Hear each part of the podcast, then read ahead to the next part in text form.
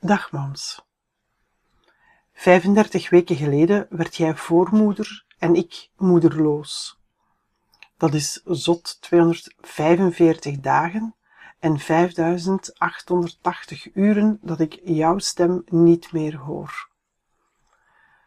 Afgelopen zaterdag was het moederdag, de echte. De jongens waren het vergeten. Het maakte me heel erg verdrietig. Zij hebben het vreemde idee dat ik moederdag en mijn verjaardag eigenlijk niet zo belangrijk vind. Dat is mijn eigen schuld. Dat komt omdat ik er nooit een probleem van maak als het vergeten wordt. Ik bedek de lauwe excuses met de mantel der moederliefde. Maar deze keer was ik echt verdrietig. Het was mijn eerste moederdag zonder jou. Het maakte me dubbel zo triest. Geen bloemen voor jou en geen bloemen voor mij. Ik zei echter niets, weer al niet. Om het te troosten besliste ik dan maar dat het voor moederdag was.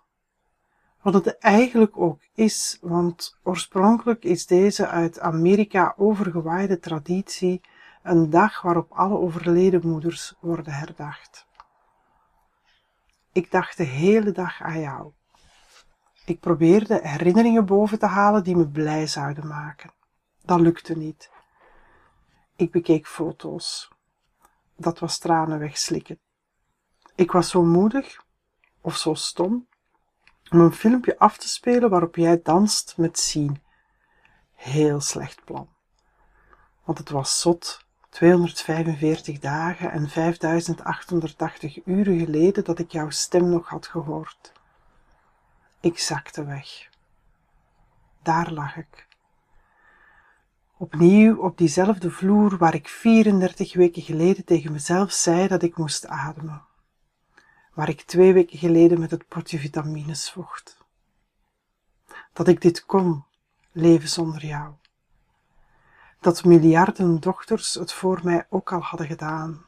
Dat ik niet alleen was dat mijn zus ook haar mama verloren was. En zij is jonger dan ik, dus dat is dan erger. Dat ik moest blijven ademen. Blijven ademen, godverdomme. Maar ik zakte weg. Ik voelde het. Mijn verdriet komt in vlagen en ik voelde dat dit een storm was. Bliksemschichten naar die donkere plek in mezelf. Ondertussen deed ik mijn ding met een glimlach op de lippen. Ik herkende het patroon. Ik weet dat ik op den duur zal kunnen leven zonder jou, maar het is alsof alle vergeten verdriet is vrijgekomen. Alle diep verborgen gevoelens die ik nooit heb uitgesproken. Alle geheime gevoelens, beter gekend als frustraties. De vergeten moederdag, het bedrog in een relatie, het verliezen van een babytje, die ene werkplek waar ik werd gepest de schaamte rond de burn-out daarna, het verdriet over de jeugdliefde die veel te jong overleed, het verhuizen van de Kempen naar Antwerpen tijdens de puberteit, het verlangen naar bergen, dennenbomen en sneeuw. Het ligt allemaal open. Het zit in een speklaag die ik als een fort rond mezelf heb gebouwd.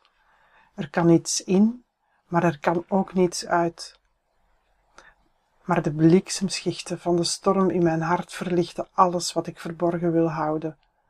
Het is een zondvloed, want tijdens zo'n donkere dagen lijkt het wel alsof alles tegelijkertijd mijn aandacht opeist, als alle verstopte verdriet en alle rauwe pijn. Dus lig ik op de grond. We gaan naar huis. Morgen pakken we in. Overmorgen zijn we thuis. Ik moet alleen zijn. In mijn atelier. Instorten, rechtkrabbelen, creëren, woest schilderen, verwilderd woorden typen, gejaagd alles op papier zetten, met inkt en verf, met pen en potlood. Ik moet de scheuren in mijn muur herstellen, verhalen inspreken, teksten uit mijn strot naar boven duwen. Ik moet zingen naar de voormoeders. Ik moet krijsen, hees en hol mijn woorden uitspuwen maar voorlopig lig ik op de grond met plastieke glimlach. En het stormt onder een stralende hemel.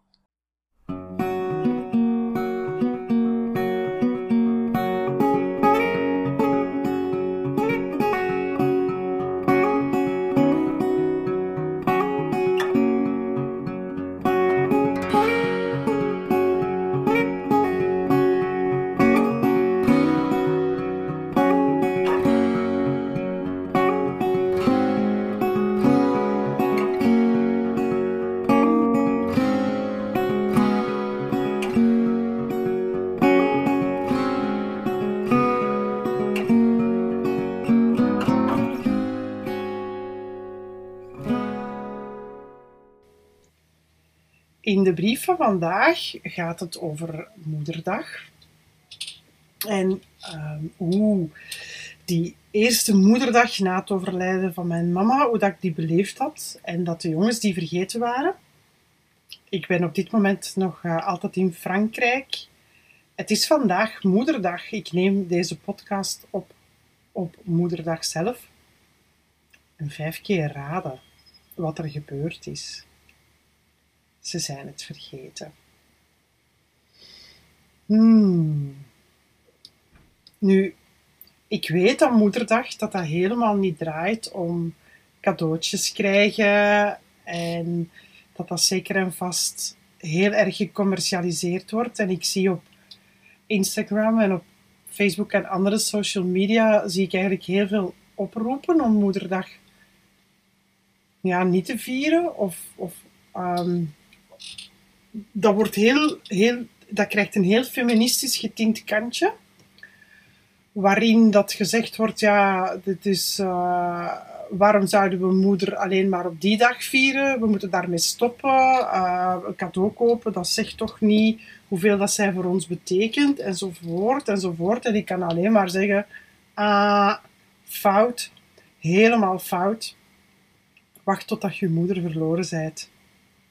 Wacht totdat er niemand meer is om tegen te zeggen hoe dankbaar dat je bent uh, voor alles wat je geleerd hebt. Wacht totdat er niemand meer is om bloemen aan te geven, tot je de keuze niet meer hebt om er wel of niet aan te denken.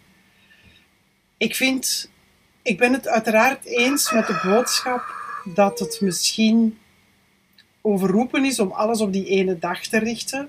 En dat we best wel op veel meer en andere momenten ook aan onze moeders mogen denken. En ze in de bloemetjes zetten, tussen aanhalingstekens. Hè. Ben ik het daarmee eens? Helemaal. Maar het is niet omdat een heel fijn moment, omdat dat gecommercialiseerd wordt, ja, dat dat dan ook slecht is. Het is niet een dag zelf die slecht is, het is wat je daarmee doet hè, dat slecht is. Of niet passend, of al ja, wat dan ook. Hè. Nu, voor mij is Moederdag altijd een dag waarop ik toch wel heel erg besef dat zij er niet meer is. Uh, ik weet dat mijn mama zelf niet zo van het moederdag vieren was, maar tegelijkertijd altijd wel heel erg blij was met de bloemen die dan toch werden uh, afgegeven. Of met het feit dat ik dan toch wel eens even langskwam. En zij en ik, we hebben heel lang een heel verwrongen relatie gehad, maar verwrongen in een goede, op een goede manier, in de zin dat we elkaar gewoon niet begrepen. Weet je, dat, dat wij een totaal ander idee hadden over um, leven en levensvisie. En dat heeft heel lang geduurd voordat ze mij daarin kon vertrouwen dat alles wel goed kwam. Um, het feit dat zij er nu niet meer is, dat ze er niet meer is om naar, naar te bellen, om geen raad aan te vragen, om, om ja, te doen wat moeders doen, dat raakt mij nog altijd. Elk jaar opnieuw vind ik dat toch wel een moeilijke moment. En als dat dan ook vergeten wordt in mijn eigen gezin, dan komt dat eigenlijk wel dubbel binnen. Ik geef dat heel eerlijk toe. Ik heb dat ook gewoon gezegd vandaag, dat ik dat heel erg jammer vind. Ehm, dat daar gewoon niet aan gedacht wordt. Want daar gaat het om. Dat gaat mij niet om het feit dat ik dan uh, een gouden collier moet krijgen, maar dat gaat mij wel om het feit dat ik fijn vind dat er gewoon aan gedacht wordt voor mij